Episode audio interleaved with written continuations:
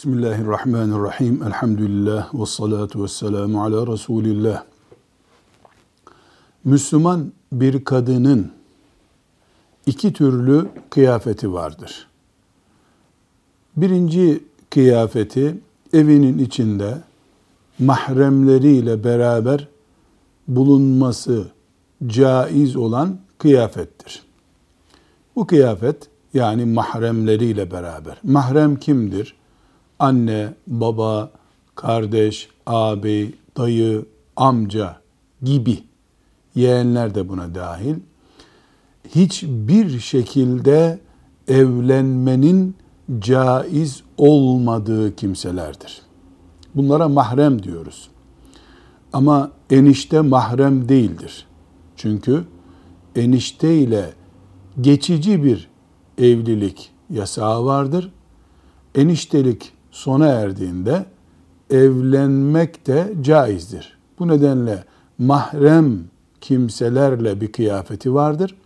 Bir de mahrem olmayan sokaktan dediğimiz kimselerle kıyafet vardır.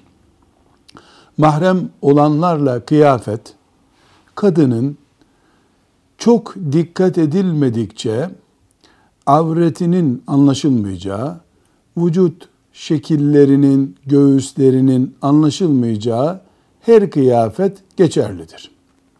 Buna ev kıyafeti diye bir isim de verebiliriz.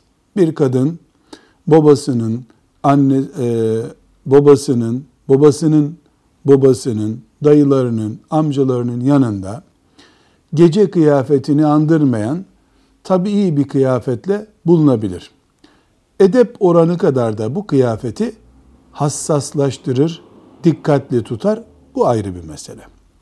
Mahremi olmayanlara gelince Müslüman bir kadının mahremi olmayanlarının yanında yani bu sokak olur, zorunlu bir misafirlik olur, yürüyüş olur, hastaneye gitmek olur. Mahremi olmayan kimse kadının onun yanında bulunacağı kıyafet dış kıyafet olarak isimlendirilebilir. Bu dış kıyafetin ölçüsü nedir?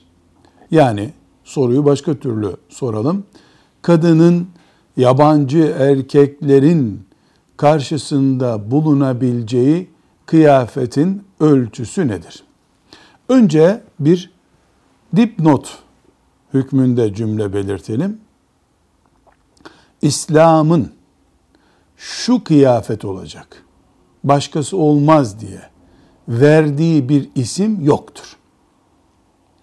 Çarşaf da bu kuralın içindedir. Yani çarşaf Resulullah sallallahu aleyhi ve sellemin Kur'an-ı Kerim'in başkası olmaz illa bu olacak dediği kıyafet değildir.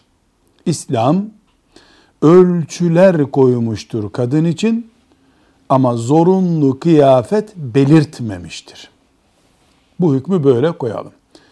Filan kıyafet, çarşaf, bu ölçülere en uyumlu kıyafet olabilir mi? Olabilir. O ayrı bir mesele. Ama illa şu kıyafet olacak dememiz caiz değildir. Kadın için kıyafetin ama dış kıyafeti kastediyoruz. İç kıyafette çok e, büyük bir daraltma yok. Dış kıyafeti mahrem olmayanların yanında bulunacağı, bulunabileceği kıyafetinde ölçüler var. Bu ölçüler nedir?